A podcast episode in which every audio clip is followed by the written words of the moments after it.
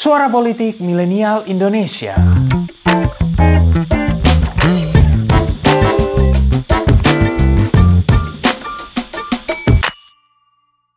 Burger King would like to suggest that everybody from McDonald's please leave the room. Ooh, we can really feel the heat. Ini adalah iklan Burger King pada tahun 1983 yang menyindir pesaingnya McDonald. Buat yang belum tahu, flame broiling adalah teknik memasak dengan alat khusus yang memastikan semua bagian dari patty terpanggang dari atas maupun bawah. Burger King menggunakan teknik ini sebagai strategi marketing dalam persaingan dengan rival utamanya, McDonald alias McD. Dua perusahaan ini memang terlibat dalam perang burger yang sudah dimulai setidaknya sejak awal Burger King berdiri. Well, soalnya McD berdiri duluan sih. Menariknya, tak sedikit benturan-benturan di antara keduanya menyerempet ke persoalan bernuansa politik. Mulai dari isu McD yang masuk dalam list daftar perusahaan fast food yang mendukung pendanaan kampanye re-election Presiden Donald Trump, hingga Burger King di Rusia yang merayakan kemenangan Trump pada 2016 lalu dengan menu Trump Burger. Hmm, slogannya Make Burger Great Again kali ya. Eits, disclaimer dulu ya. Video ini tidak disponsori baik oleh McDonald maupun oleh Burger King. So I'm free to say whatever I want. Tapi burger gratis boleh juga loh. Hmm. Lalu seperti apa sejarah benturan dua perusahaan fast food ini? Let's find it out on the desk.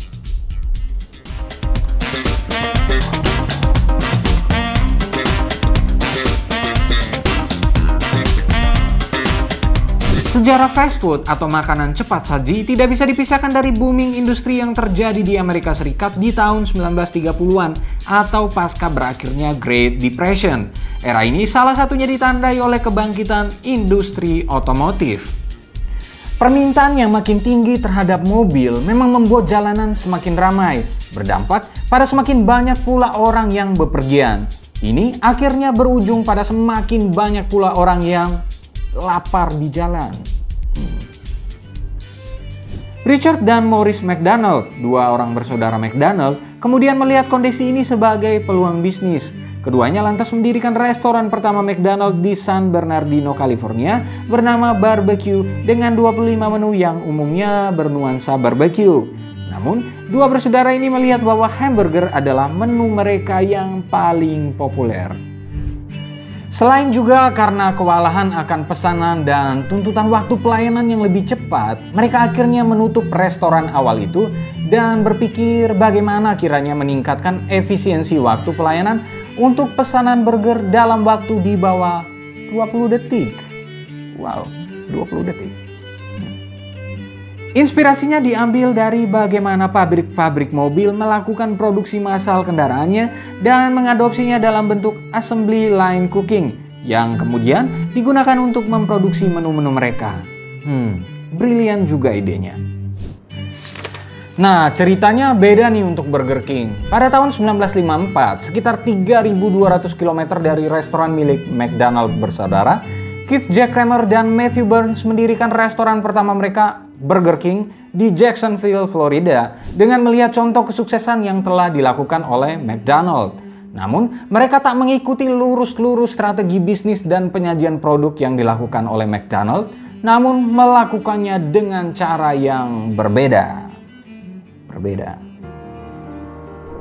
Mereka membeli hak cipta produk instant meat broiler, semacam pemanggang dengan model ban berjalan yang memberikan cita rasa flame grill pada patty yang dipanggang. Mereka menyebutnya sebagai flame broil alias the taste of the flame. Strategi Burger King ini terbilang brilian karena mereka memarketingkan diri sebagai produk yang bercita rasa berbeda dibandingkan McDonald.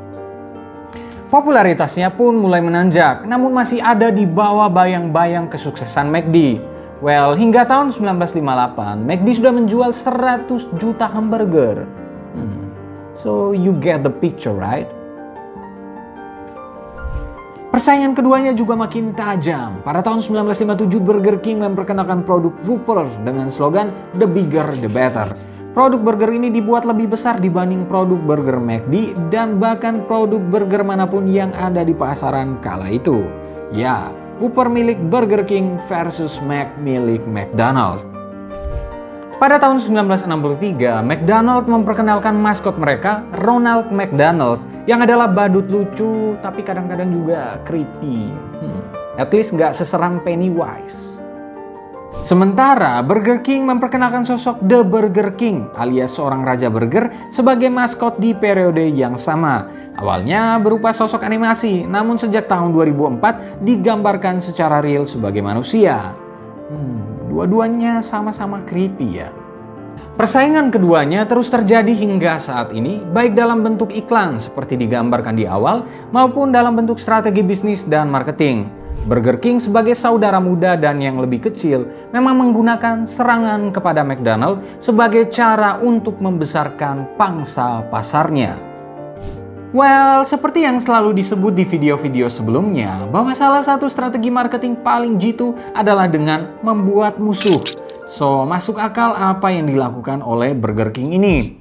Michael Eaves dan Profesor Dale Leathers dalam riset mereka untuk Journal of Applied Communication Research juga menyebutkan bahwa baik Burger King maupun McDonald menerapkan konteks communication dengan para konsumennya. Hal ini membantu keduanya berkembang menjadi pemain besar dalam industri fast food seperti saat ini. Sekedar informasi, Burger King mengklaim menjual 1,7 miliar Whopper per tahun pada tahun 2002. Sementara Mac baru mencapai angka tersebut pada tahun 2017 lalu. Adapun dari sisi ukuran perusahaan, total aset Burger King di seluruh dunia mencapai 5,15 miliar dolar alias 75,9 triliun. Sementara total aset McDonald mencapai 47,51 miliar dolar alias 701 triliun rupiah. Well, McDonald 10 kali lipatnya Burger King. Lalu seperti apa konteks kaitan keduanya dengan politik? Sebagai perusahaan yang melayani konsumen secara umum dan berorientasi pada keuntungan, memang dikait-kaitkan dengan politik akan menjadi hal yang buruk. Well, kita tentu ingat kasus Sari Roti yang gara-gara foto di aksi 212 bikin muncul aksi boykot terhadap produk-produknya. Nah, mayoritas brand akan berusaha untuk menghindari bias politik tersebut. Namun jika bicara konteks politik di Amerika Serikat, maka entitas bisnis seperti Burger King maupun McDonald's selalu bisa dikaitkan dengan pendanaan kampanye. Seperti sudah disinggung sebelumnya, beberapa bulan lalu memang muncul list yang tersebar di media sosial terkait brand-brand fast food yang mendukung pencalonan kembali Donald Trump. McDonald ada dalam list tersebut bersama KFC, Pizza Hut, dan lain sebagainya. Hmm, is that true? Kalau melihat data yang dibagikan oleh opensecrets.org, memang terlihat bahwa pendanaan kampanye yang diberikan oleh orang-orang atau pihak yang terkait dengan McDonald kebanyakan mengalir ke Partai Republik. Sementara Burger King juga punya kecenderungan memberikan pendanaan yang lebih besar pada calon dari Partai Republik, sekalipun data yang didapatkan hanya terbatas sampai tahun 2008. Sementara jika menggunakan grafik yang dibuat oleh Time, maka Burger King memang terlihat lebih cenderung menuju ke gerakan progresif dan Partai Demokrat, sementara McDonald lebih berat ke Republikan. Sekalipun keduanya tetap berusaha menjaga untuk berada di tengah-tengah. Well, apa pun itu, yang jelas publik di seluruh dunia menikmati burger dari dua brand ini tanpa memikirkan afiliasi politiknya. Di Indonesia sendiri, McDonald masuk lewat bendera PT Rekso National Food yang merupakan bagian dari kerajaan bisnis keluarga Sostro yang tentu saja terkenal dengan apa pun makanannya, minumannya, itulah. Gerai pertamanya yang tinggal kenangan ada di Tamrin. Sementara Burger King masuk Indonesia tahun 80-an, sempat tutup pada 1998 akibat krisis moneter dan kembali beroperasi sejak tahun 2007. Saat ini Burger King dikuasai oleh Mitra di Perkasa yang didirikan oleh Syamsul Nur Salim, sosok yang jadi tersangka dalam kasus BLBI. Mapi juga yang punya Starbucks, Zara, Sogo, dan lain-lain di Indonesia. Hmm, that's interesting. Terima kasih telah mendengarkan episode kali ini. Nantikan episode-episode selanjutnya dan jangan lupa untuk kunjungi pinterpolitik.com untuk dapatkan informasi seputar fenomena politik di Indonesia. See you next time and bye-bye.